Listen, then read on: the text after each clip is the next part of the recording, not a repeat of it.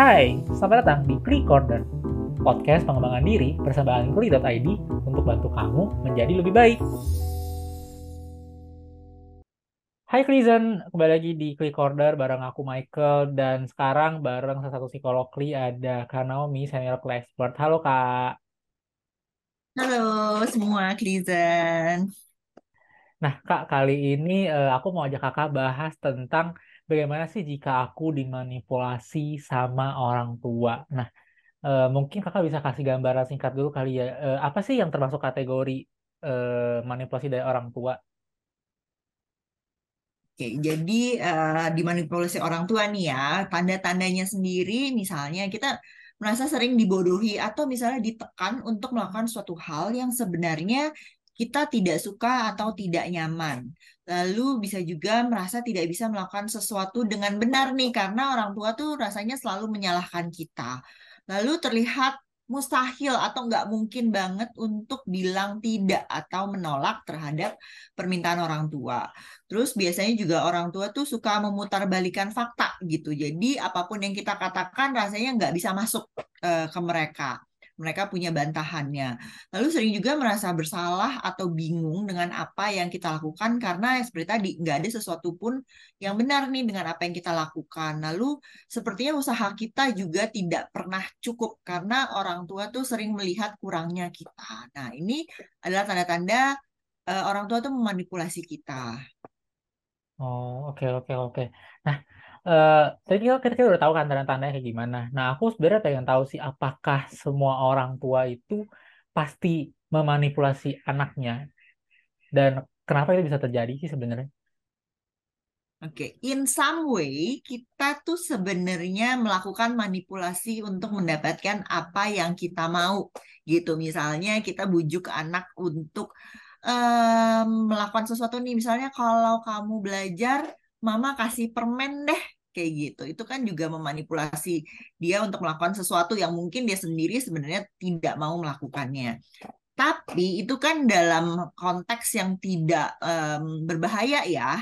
Nah, tapi kalau kita sengaja melakukan manipulasi dengan tujuan yang tidak baik, berbahaya, menimbulkan masalah, ini yang jadi uh, pertanda nih buruk gitu. Biasanya sebenarnya orang tua melakukan hal tersebut tuh supaya bisa mengontrol anaknya atau supaya anaknya melakukan apa pun yang dia mau sehingga keinginannya tercapai gitu. Ah, berarti kalau misalnya halnya belum membahayakan atau tidak membahayakan itu sebenarnya wajar-wajar aja kak dan maksudnya kayak itu diperbolehkan gitu ya?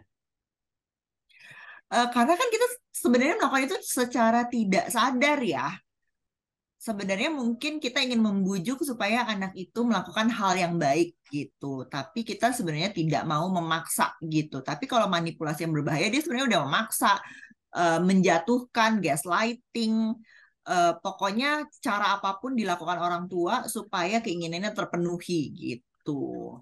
Hmm, dan berarti kalau misalnya dari yang tadi kakak jelasin itu aku bisa nangkep kalau sebenarnya tuh emang kayaknya semua orang itu, maksudnya bukan orang tua doang ya. Bisa aja kita juga sebagai anak memanipulasi orang tua juga itu juga mungkin terjadi ya kan?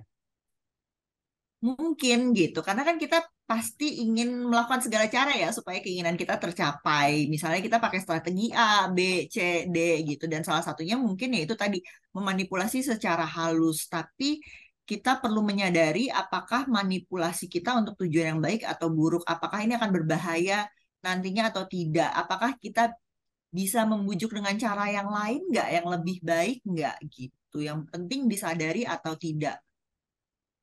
Uh, oke okay, oke. Okay. Nah, kalau misalnya tadi kan kakak ada ada singgung soal manipulasi yang mengarah buat membahayakan anaknya sendiri. Nah, kalau misalnya kita nih sebagai anak dan ternyata orang tua kita tuh memanipulasi kita tapi ke arah yang berbahaya, itu gimana sih kak uh, cara-caranya biar kita bisa mencegah itu terjadi gitu?